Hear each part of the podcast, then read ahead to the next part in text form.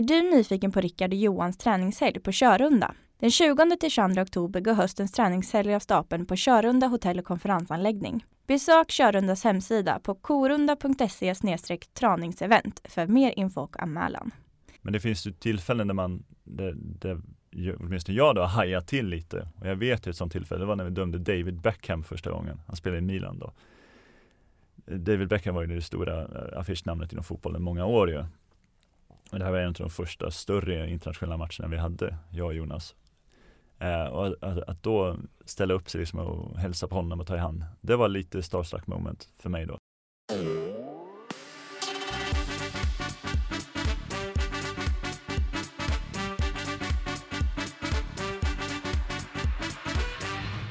Hej och välkommen till Träna för hjärnan med Rickard Norsan och Johan Nor Norén heter han. Eh, dagens avsnitt har vi en eh, aktuell VM-domare. Mattias, välkommen! Tack så mycket! Du är precis eh, nykommen inflygen från, eh, vart har du varit? Ja, när jag var, varit i Slovenien Ja. Sloveniens huvudstad Ljubljana, som jag har svårt att uttala, men jag tror det var rätt. Ja, men Där det, vi dömde VM-kval igår då, som eh, Slovanien, Slova, Slovenien mot eh, Skottland. ja, kul. Hur kommer det sig att man blir en domare, fotbollsdomare som i det här fallet? Mm. Jag eh, har ju spelat fotboll såklart, som Ja. väldigt många andra har gjort i Sverige.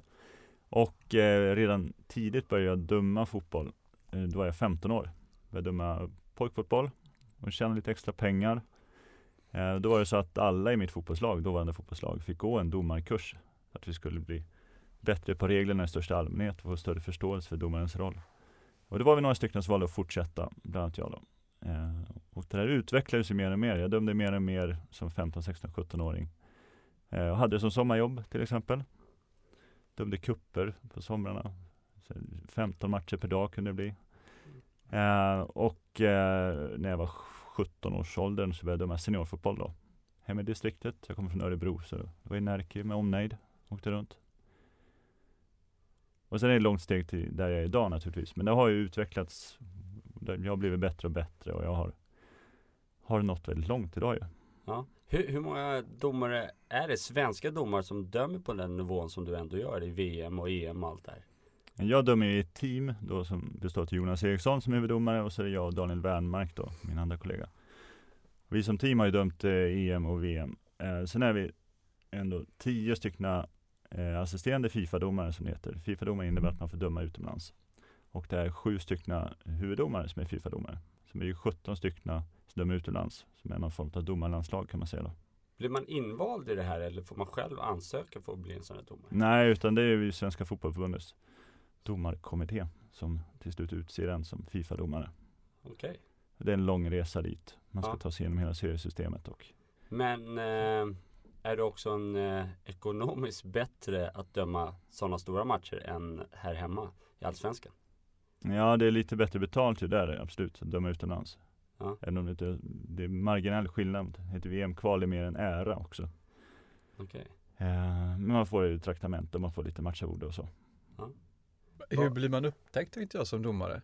Så, på, så du är linjedomare, hur blir man upptäckt? Är det att du har följt med någon huvuddomare som har haft ögonen på sig eller har man liksom sett dig specifikt? Att, Nej, men det är ändå att man, det är regionala uttagningar kan man säga då hela tiden. Eh, runt om i domarens Sverige där man försöker hitta talanger både som domare och som assisterande domare. Och där eh, i mitt fall då så, så kände jag själv att jag nådde någon slags gräns som, som domare. Att springa i mitten och blåsa med pipa. Det var, var jätteroligt men det var inte eh, min starkaste sida kanske.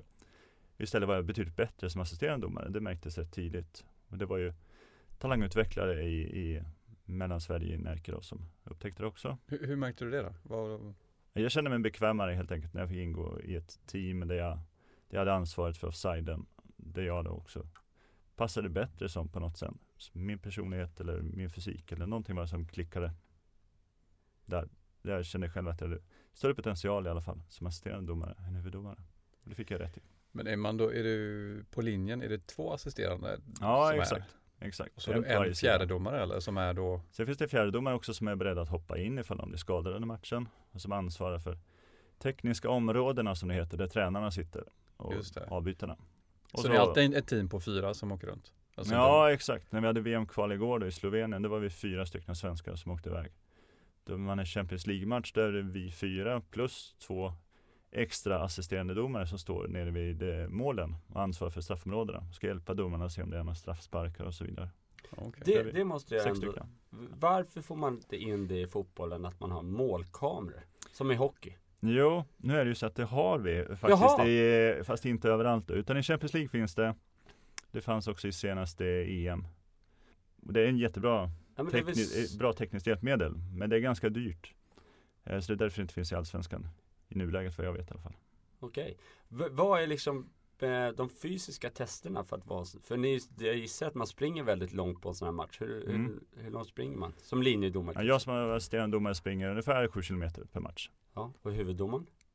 Eh, Ja, Jonas springer 13-14 km per match ungefär. Dubbelt så långt. Dubbelt så långt ja. Eh, Han täcker ju hela planen, jag täcker bara halva planen så att säga. Ja, det blir, för mig blir det mer ryckigt. Jag står stilla ibland. Ja. Jag stannar ju så att säga på mittlinjen när spelet är på andra planhalvan. Ja. Och så blir det mera intervaller, mer sprint när spelet väl är på, på min planhalva. Så jag rör mig mycket mer eh, ryckigt och annorlunda än vad en huvuddomare gör till exempel. Som, Ja. som mer springer rakt fram. Händer det att man tar beslut och just i den sekunden känner man så här, wow, ah, jag är tveksam på det här. Ja men det händer under matcher att man är osäker, absolut. Ja. Eh, Jag, jag, jag kan känna tveksamhet vissa gånger. Men när jag väl har bestämt mig, då gäller det för mig själv också att, att tro på det jag gör. Det går inte att gå där och fundera och ha det här i bakhuvudet och eventuellt börja tänka kompensation eller tän- tänka att man att, att- att nästa beslut ska påverkas det jag gjort tidigare. Och det har jag ju naturligtvis fått träna på också mentalt att göra. Att tänka bort de besluten, även om det är tveksamt, även om spelare och ledare kommer fram i paus kan de göra och säga att det där är helt fel. Vi har tittat i, nu är vi i paus här och vi såg att det var helt fel det ni gjorde. Oftast så försöker de påverka oss på det sättet och oftast har vi ändå rätt.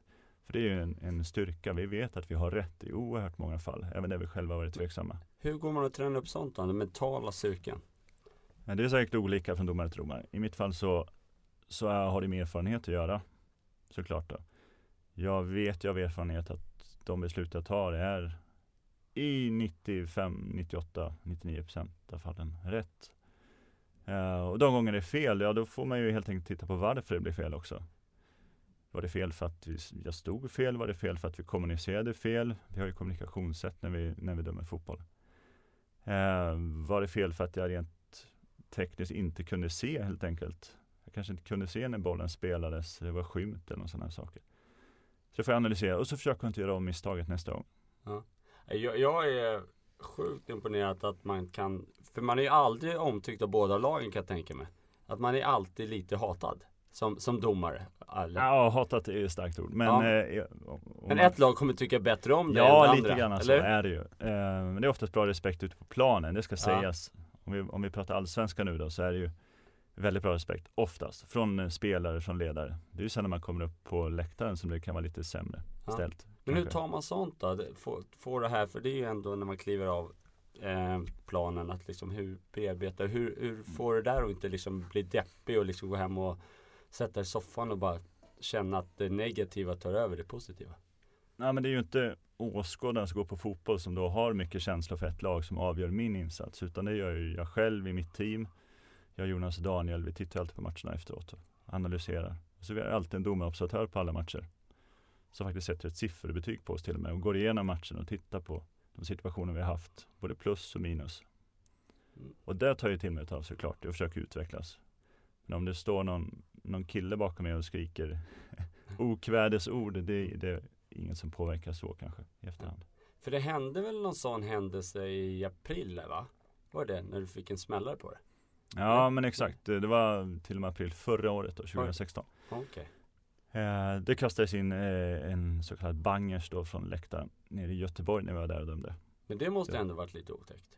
Ja det är absolut, det var det. Det, det påverkar mig lite efteråt. Den här eh, bangersen då, den, den riktades inte mot mig som person, tror eller vet jag i alla fall. Utan det var nog mot en, en spelare också som befann sig i närheten. Men den detonerade precis vid mina fötter.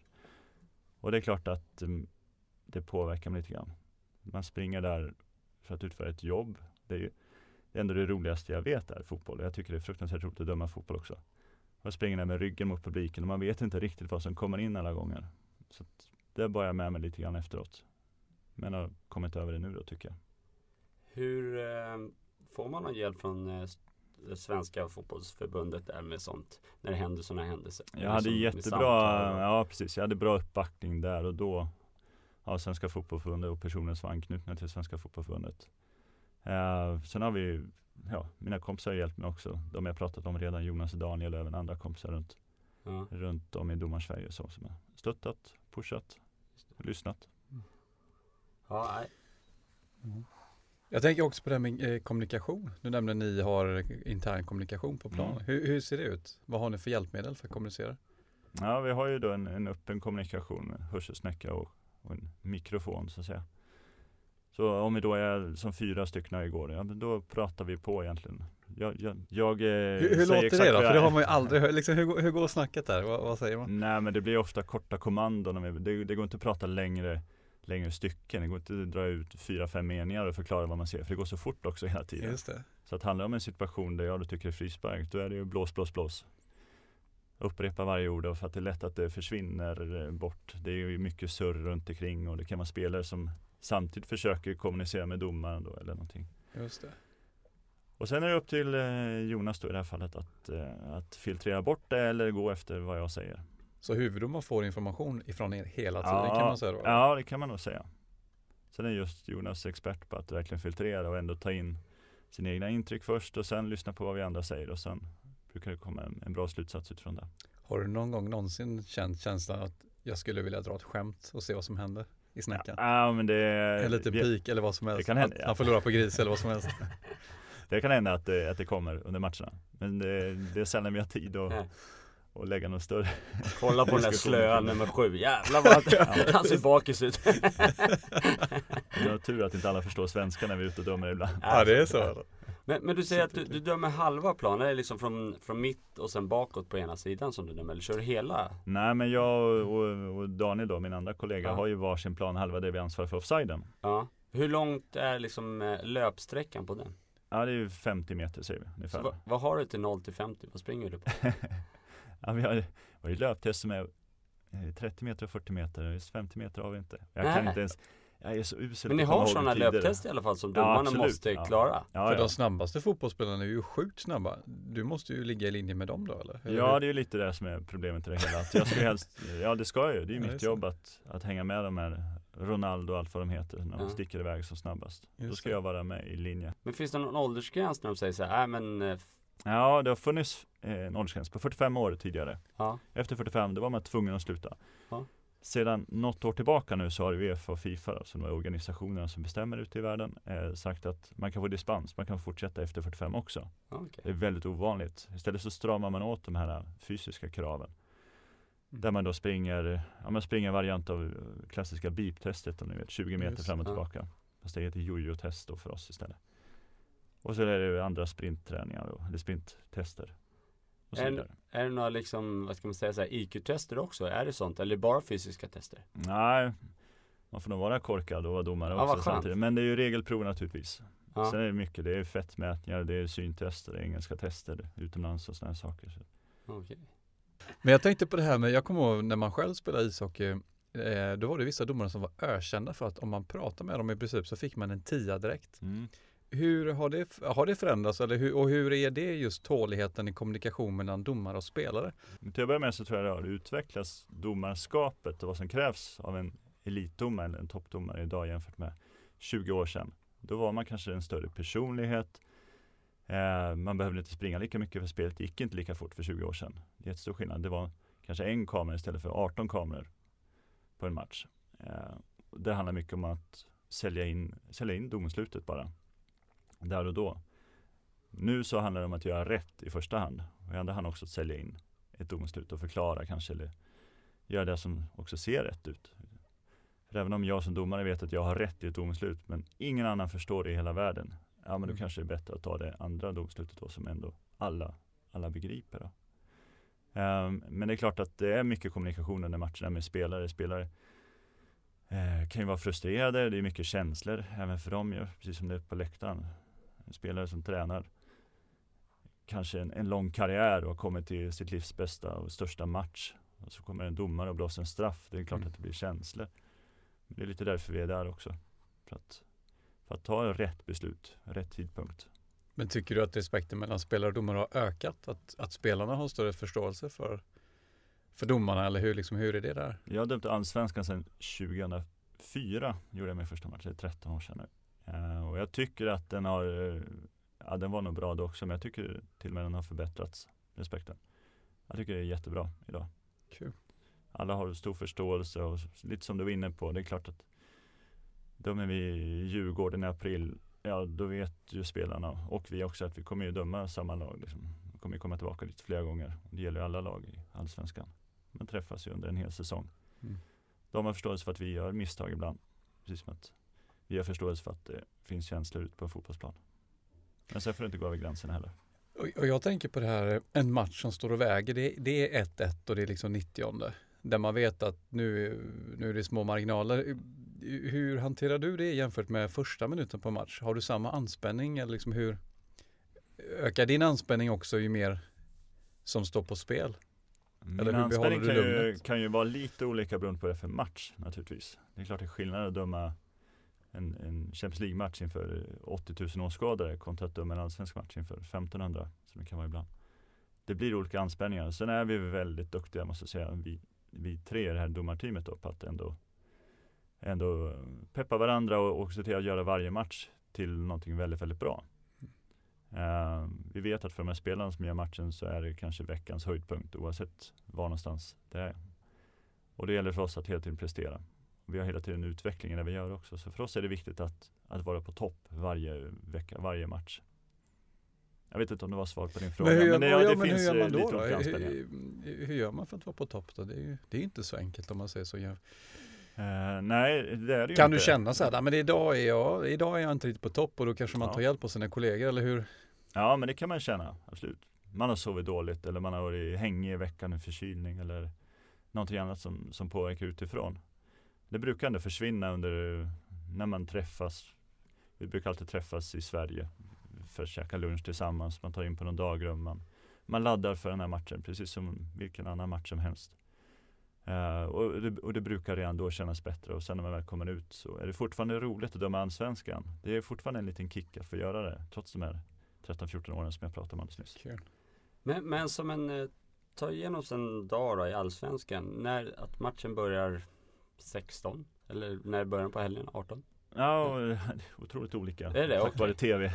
Jag styr lite. Men eh, en vardagskväll är det ju klockan sju då. Ja, vi. och när syns ni då, domare då? ja, men då brukar vi träffas vid, eh, säg halv ett, ett ungefär för att käka en lunch. Och det är hela dagen där alltså? så- Oavsett var i Sverige det är någonstans så försöker vi åtminstone träffas för en lunch. Okej. Ibland reser vi tillsammans, ibland inte. Jag bor i Örebro, de andra killarna som jag dömer med bor i, i Sigtuna och Knivsta.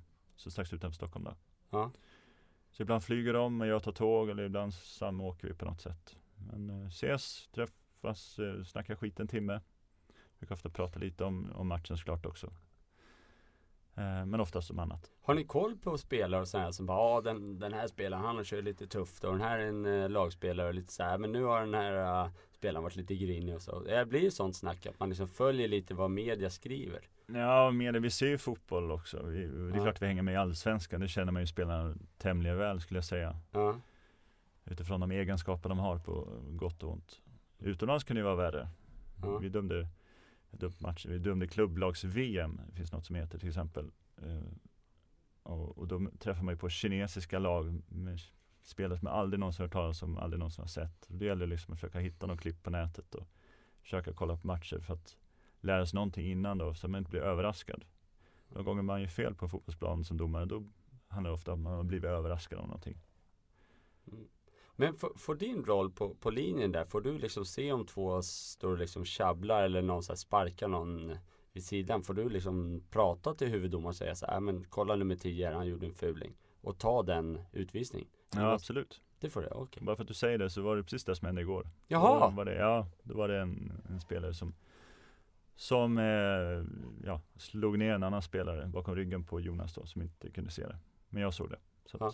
Men då, hur då är det min tänker de? uppgift att, att, eh, då? att ta det beslutet. Ja, precis. Stoppa matchen då. Och se till att dela ut röda kort då, eller Jonas delar ut röda kort. Men, men som en fotbollsspelare som spelar en sån där match, man borde ändå förstå att det finns ganska många Mm. kameror så det kommer ju synas någon gång. Ja, exakt. Sen, eh, För klart, ni kan väl döma ut kort efter matchen också om man ser att det är något fult eller? nej vi kan inte göra det. Däremot så kan spelaren bli bestraffad i efterhand av Fifa eller Uefa då. Om det har skett någonting som inte någon domare kunnat se, eller kunnat se under matchen. För det händer ju, även om vi då är fyra stycken som igår, så är det lätt att man missar saker. Det är, Är det sån här disciplin, vad heter det, disciplinnämnd? ja, vad men heter det? Precis. typ så. precis. Ja.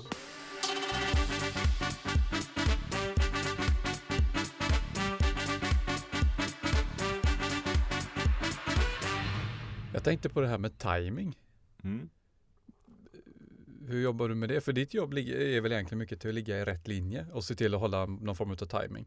Vara på rätt ställe på rätt tidpunkt. Ja, ja, precis som du säger så handlar det om eh, rätt position för mig. Utan rätt position så blir det fel domslut. Och, och rätt position i det här fallet är att jag ska vara i linje med näst sista försvarare som då är en, back ofta.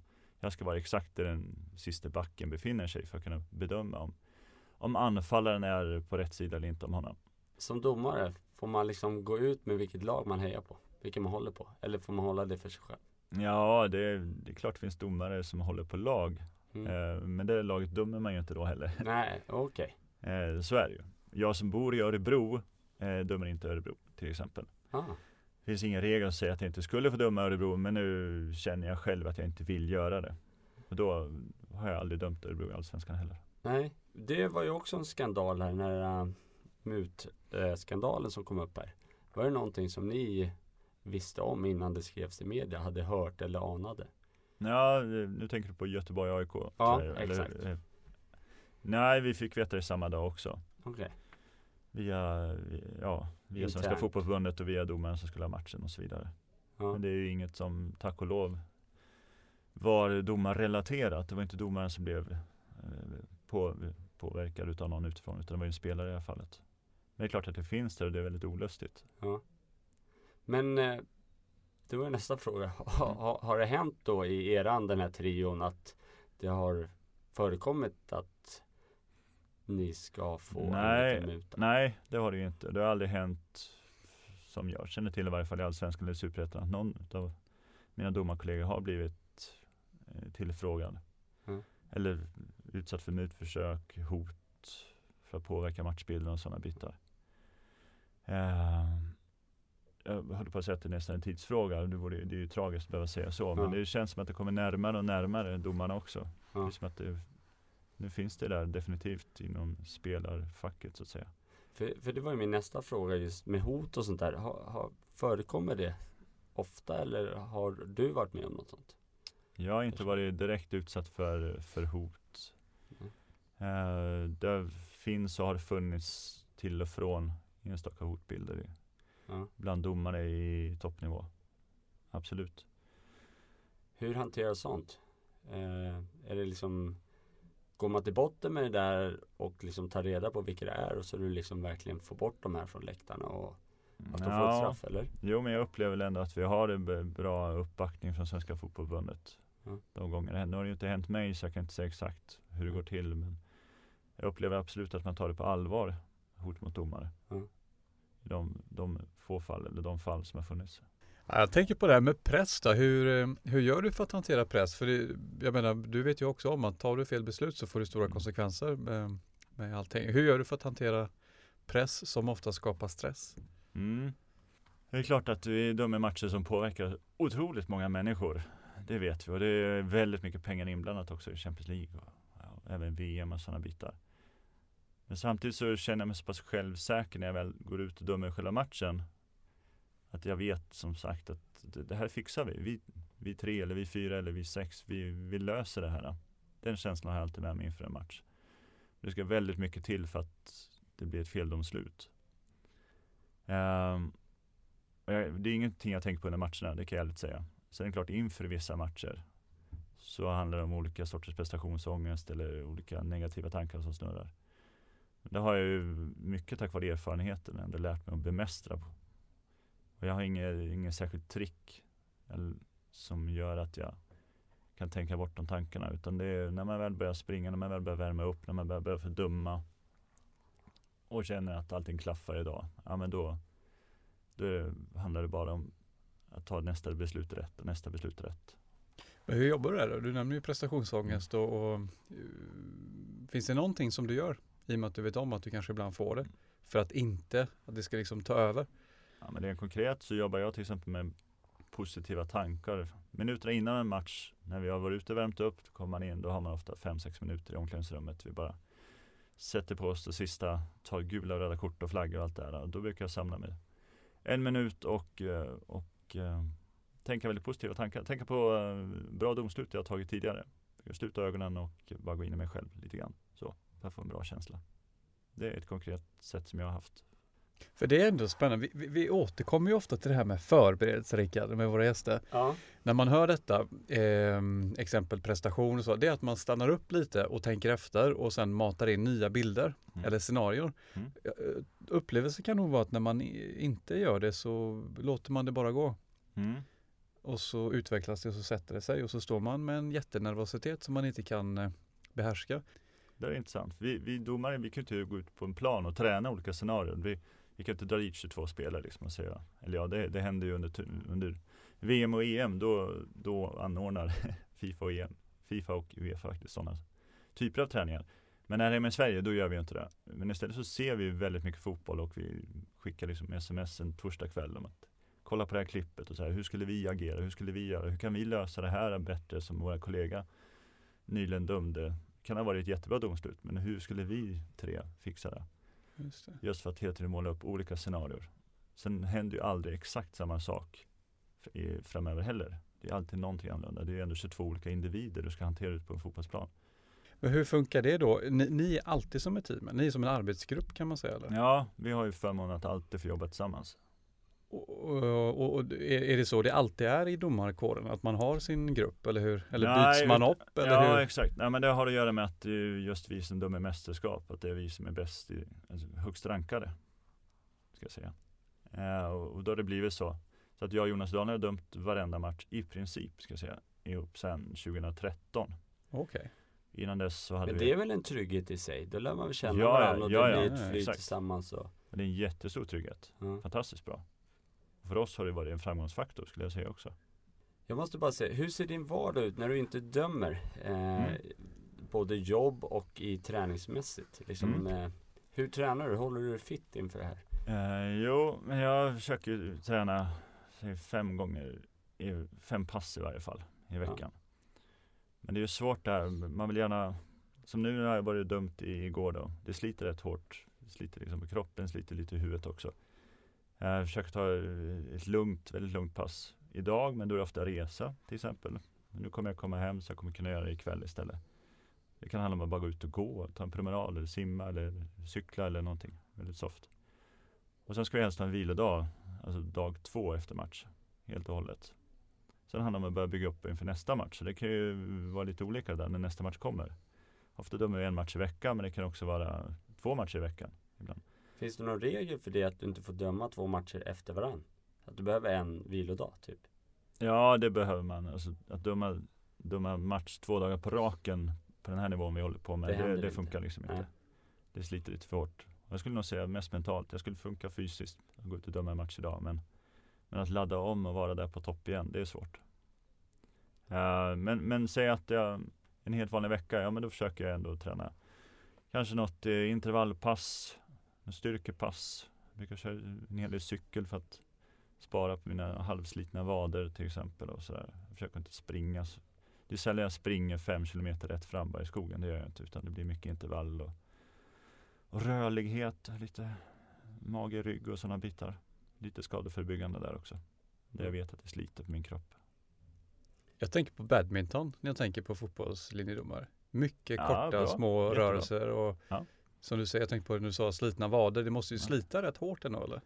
Eh, ja men det gör så det. korta förflyttningar. Exakt det gör det. Det är väldigt tvära kaster. Du kan springa i full fart och så plötsligt ska du vända om på en femöring och springa full fart åt andra hållet. Och så tvärstopp och sen sidled och sen.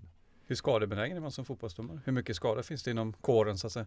Nej, men jag har varit otroligt lyckligt lottad på det här sättet och det antar jag väl är lite genetiskt. Kanske lite hur jag har tränat också men jag har ju klarat mig väldigt, väldigt bra.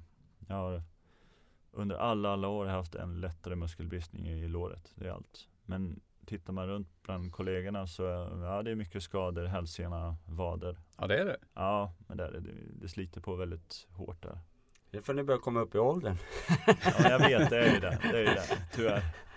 Ja, men vi, alla vi tre också, jag, Daniel och Jonas, vi har klarat oss jättebra. Skönt. Någonting har vi gjort rätt då, antar jag. Ja, var, det, var det Colina som var äldst eller? Hur, hur gammal var han när han slutade?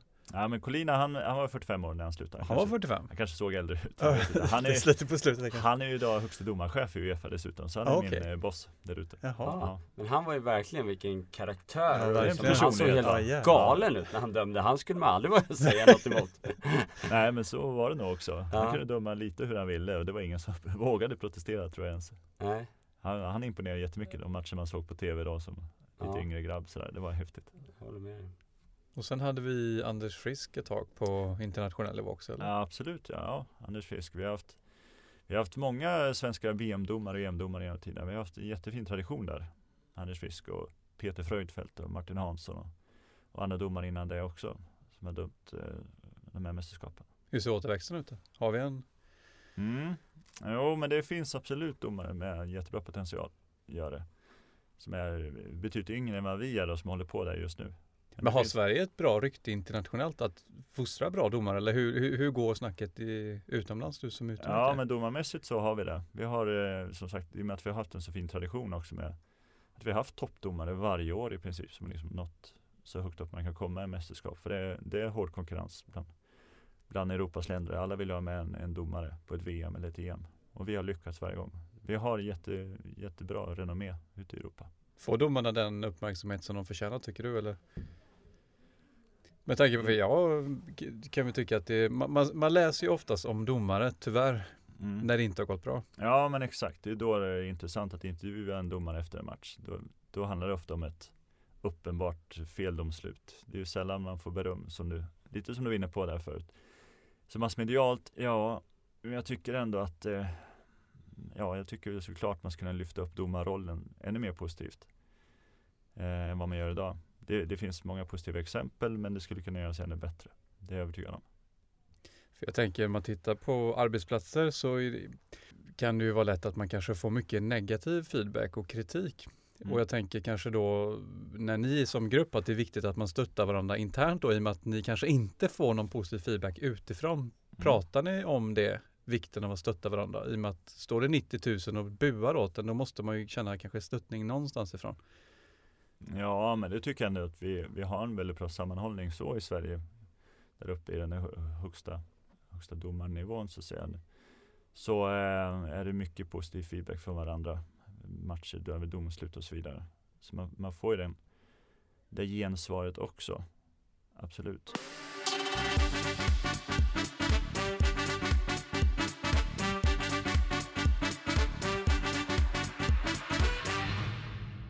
Träna för hjärnan sponsras av Simor. Nu visar Simor alla matcher från SHL och Hockeyallsvenskan. Snart kommer dessutom en helt ny kanal med premiär den 14 oktober, Sportkanalen. Sportkanalen visar veckans match från Allsvenskan och utvalda matcher från Superettan och Svenska Handbollsligan med programledare som Anna Brolin, Lasse Granqvist och Olof Lund. Besök simor.se eller sportkanalen.se för mer information. Eh, när vi tänkte på det med att eh, ju större namn, ju ödmjukare tenderar att många är. Men, men kan det vara så att det ibland kommer fram någon efter matchen och säger tack för en bra match? Där du bara, oj jäklar, det var ju han som kom fram liksom. Vad coolt.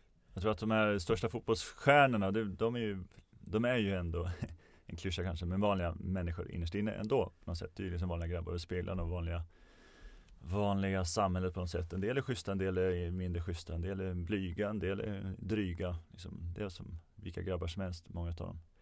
Men det finns ju tillfällen där man, där, där ju- åtminstone jag då, hajar till lite. Och jag vet ett sånt tillfälle, det var när vi dömde David Beckham första gången. Han spelade i Milan då.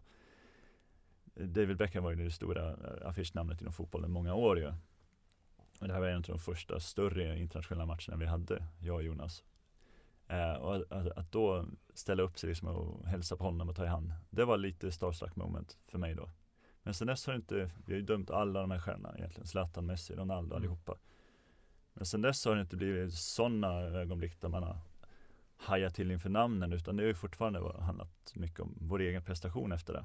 Vi vill hela tiden göra så bra som möjligt och hela tiden bli bättre och hela tiden få fortsätta de, döma de här matcherna med de här stora namnen. För det vill man ju göra ändå. på sätt, ja. Men kan det hända att du springer på linjen och verkligen stannar upp tanken och känner att shit, jag är den som är närmst fotbollen. Du vet lite så här, jag njuter verkligen att springa här.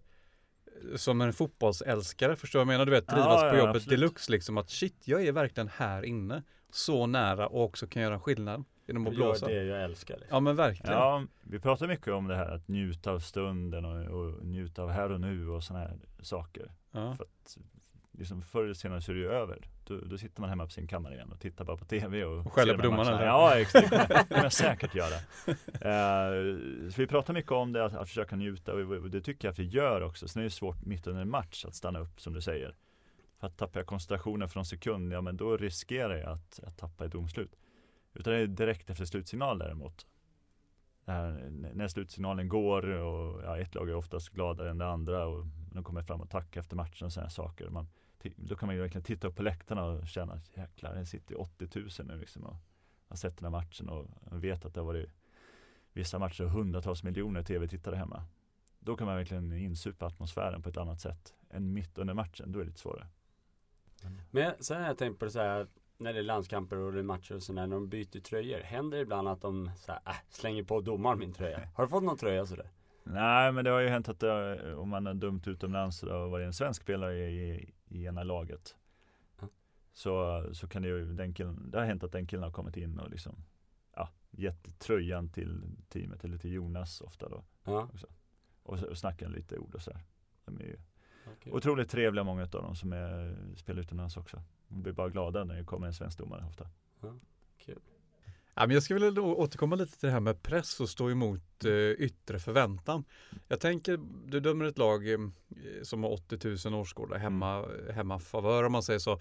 Att just stå emot att inte falla till föga för trycket. Hur jobbar ni med det, att hålla liksom professionalismen, att, att vara lik vilket lag som än spelar? Mm. Ja, men tryck utifrån är det ju från publiken så ser jag under matcherna. Sen kan ju även trycket öka från spelarna. De kan ju tänja på gränserna ju längre matchen går. Om vi pratar om filmningar och sådana såna bitar också, förstärkningar. Och det gäller att vi tar samma beslut från början hela vägen in i slutet. De ska, ha- de ska veta exakt var gränsen går, spelarna. Och vi ska ta, ta blåsa för det vi ser helt enkelt. Och inte filtrera igenom en massa vad som kan hända om vi nu blåser straff eller om jag tar offside och blåser bort mål och sådana saker. Utan vi tar besluten som vi ser. Och sen får vi fundera efterhand på konsekvenserna. Det får man ju se då. då. Men vi kan inte börja tänka igenom. Liksom, vad händer nu om jag höjer flaggan? Eller vad händer om jag säger så här eller så här? För redan då har man ju tappat bort sig någonstans. Då har jag redan där tagit sämre beslut förmodligen. Om man börjar tänka på konsekvenserna. Och det är lätt att säga här i en radiostudio. Det är ju det är klart det är svårare när man väl är där ute och, och det händer allting och, det, och, du, och du hör publikens vrål och du, och du märker på spelarnas reaktioner liksom hur frustrerade de blir. Men För det jag är tror på ute efter nu nämligen, det är ju det som du själv nu tar, det är ju det här med tänk om. Mm. Många personer som upplever sig stressade går ju runt med tänk om-tankar Mm. på eventuellt i framtiden. Om Mm. jag gör så här, oftast i negativ klang, då kommer jag misslyckas. Mm. Och det gör ju att nuet blir uppstressat. Mm. Beroende på att man då ser sig själv misslyckas i framtiden. Men som fotbollsdomare så bedömer jag utifrån att du bör ju vara rätt mycket här och nu som du Ja. säger. Ja, För annars så tappar du hela konceptet. Tänk om jag missar en offside. Det innebär att de kommer hänga ut mig, ett lag kommer vinna, ett lag kommer förlora och det kommer bli vass, massa rabalder. Mm. Då blir man ju jättestressad. Hur gör du för att jobba med koncentration blir frågan då? Att vara här och nu. Jobbar du mentalt just med den frågan? Ja, men för oss är det, handlar det nog lite om det här med tryggheten i att ha gjort exakt rätt förberedelser. Vi har förberett oss på samma sätt som vi alltid har gjort. Vi, vi vet att vi har tränat rätt, vi är friska i kroppen. Vi vet att vi har oftast gått igenom matcher innan, tittat på olika scenarier. och Vi har pratat om matchens betydelse. Vad händer om det står 0-1, 1-0? Hur kommer det se ut sista fem minuterna? Vilket lag måste vinna? Igår kväll hade vi en sån situation. Det ena laget var tvunget att vinna för att ha chans att komma till VM. Eh, och det bara, vi, vi vart inte förvånade när det väl hände. Och lite det vi pratade tidigare om i, i intervjun här att blir man förvånad då är det lätt att bli uppstressad eller ta fel beslut. Eh, så mycket handlar om förberedelser återigen. Då. Och sen en trygghet i att veta just att ja, men jag är, jag gör det här för att jag, gör, jag är bra på det. Vi, vi är inte till den matchen för att vi faktiskt är otroligt duktiga på det vi gör. Andra tror på oss och vi tror på oss. Och då vore det väl själva tusen om det varit fel. Och även om det blir fel, ja, då är det inte mycket att göra. Vi, bara vi har förberett oss på rätt sätt så. Om man tittar på domarkåren då, tror du att vi kommer få en, eh, en helt, vad säger man, proffsdomarkår som bara kan vara domare, livnära sig på att vara domare? Mm. Vi är ju lyckligt lottade att vi redan idag har det. Det har varit en jättebra utveckling inom domarbiten också. Så idag har vi ja, sex stycken proffsdomare eh, som har det som jobb. Och det är eh, sex stycken huvuddomare då. Och sen är jag och Daniel då, eh, anställda på heltid, eller på halvtid menar jag, av Svenska Fotbollförbundet. Så vi kan göra det på halvtid. Så jobbar jag på en bank halvtid också, ungefär. Men det är också, där gäller det också att ta rätt beslut. Sitter på banken gissar På banken? Ja, Ja. jo men exakt. Jo, men det handlar också om och viktiga saker, kanske ännu viktigare saker än, än eh, sporten fotboll, nämligen Ja. människors ekonomi. Och det är klart att det är viktigt. Ja. Och vad är din roll där?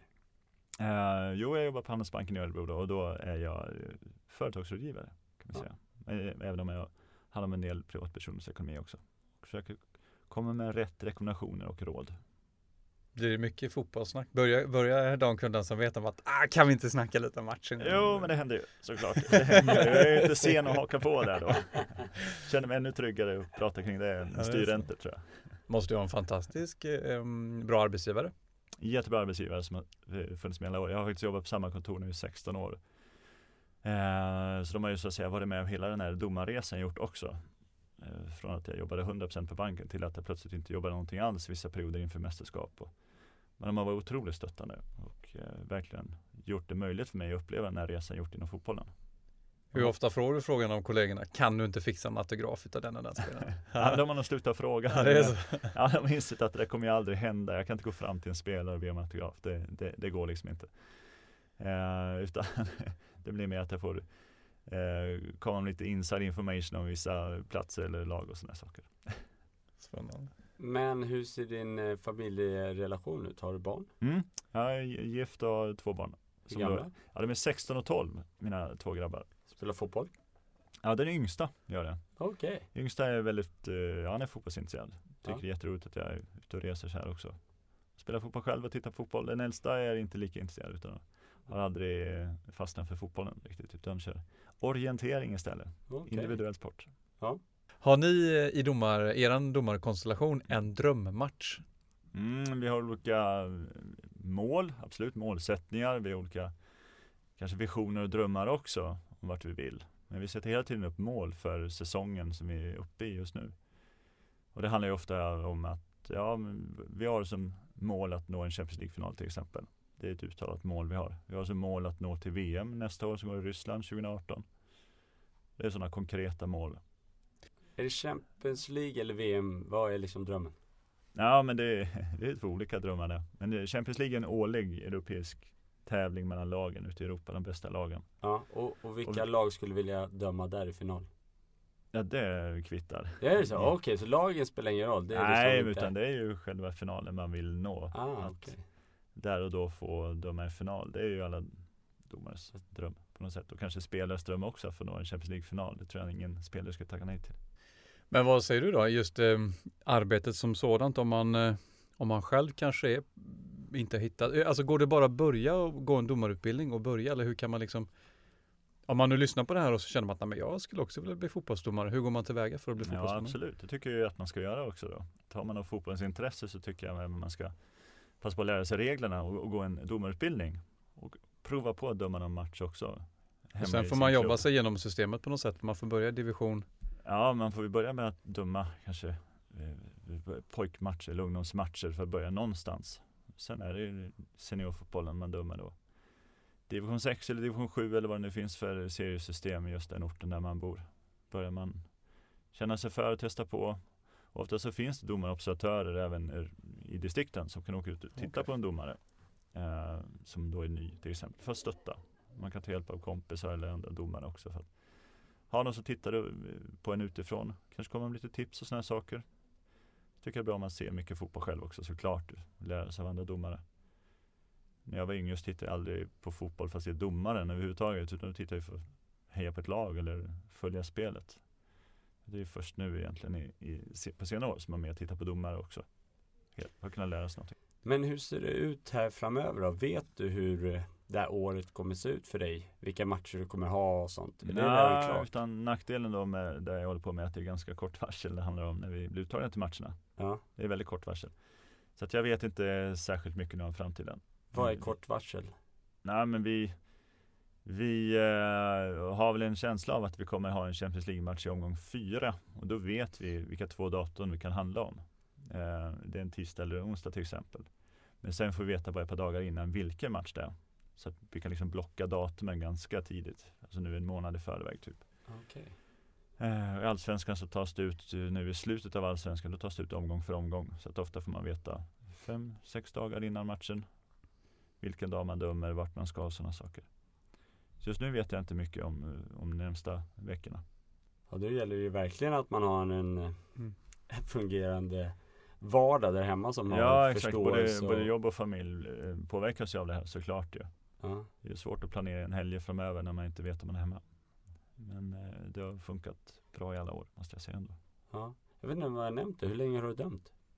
Ja, men jag har ju ändå dömt sedan jag var 15 år och är 42 år nu. Så det är ju många år. Aha. Jag gjorde min första match i Superettan som då räknas till Elitfotbollen år 2000. Och Allsvenskan sedan 2004. Okej. Okay. Så det är många år. Verkligen. Nu. Nej, vi är väldigt tacksamma att du tog dig tid och kom hit. Jag vet inte Johan, har du något mer här? Ja, men jag skulle vilja ja. lite mer om det här med beslut. Jag tycker ja. det är intressant med beslut. Många som upplever stress känner sig att eh, man har skjutit beslut på framtiden. Så att man har så många beslut man ska ta så man vet inte vart man ska börja. Eh, och det går inte att göra i ditt jobb för du kan inte samla på dig beslut och sen liksom eh, bli beslutstrött. Vad har du liksom för tips? För du säger så här, ah, men det beror, jag har jobbat länge, erfarenhet och jag kan mitt jobb. Eh, hur kan man jobba med att bli duktigare på att ta beslut? Jag känner någonting i magen, men jag vill inte ta beslutet utan jag hoppas att det löser sig med tiden. Mm. Och man, när man har tagit beslutet så säger man oftast att varför gjorde jag det inte tidigare? Mm. Det vill säga att man är lite rädd för att ta beslut. I ditt jobb går det inte att vara rädd för att ta Nej. beslut, för ditt jobb bygger ju på att ta beslut. Och det, det jag gör handlar mycket om det du nämnde nu, magkänsla, som är ju väldigt flummigt uttryck kanske. Men magkänsla kokas ju egentligen ner till någon form av erfarenhet och, och, och kanske självförtroende också. Ja. Jag vet att, att jag kan lita på mig själv. För det jag gör där ute på fotbollsplanen, det är ju, ingen, det är ju inga enkla saker. Mm. Ens för mig själv, när jag tittar i efterhand så kan det vara svårt att se vad som är rätt och fel ibland. Ändå så måste jag ta beslut på en halv sekund där ute. För det jag skulle vilja gå tillbaka till då, det är ju din tidiga, när du var i din tidiga karriär. Ja. Du borde ju tagit ganska många felbeslut. Ja, definitivt. Och det borde ju många som började tillsammans med dig också gjort. Men det som kanske gjorde att de inte fortsatte var att de inte heller kanske eh, lärde sig. Men du vet, att man till slut mm. känner att jag vågade inte ta mer fel beslut. Där du kanske utvärderar besluten och fortsatte ta nya beslut och sen börjar ta mm. bättre beslut. Mm. Hur kan man inspirera till att våga ligga kvar i en process? Ja, men då handlar det nog mycket om att man har rätt folk runt omkring sig. För det är ju svårt att själv få få de där positiva tankarna av ett felbeslut. Det, det är lätt att fastna i det. Jag har säkert gjort det själv också.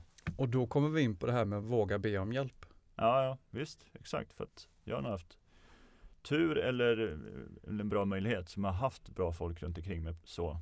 Med bra folk runt omkring mig, och det menar jag till exempel ledare inom domarskrået då.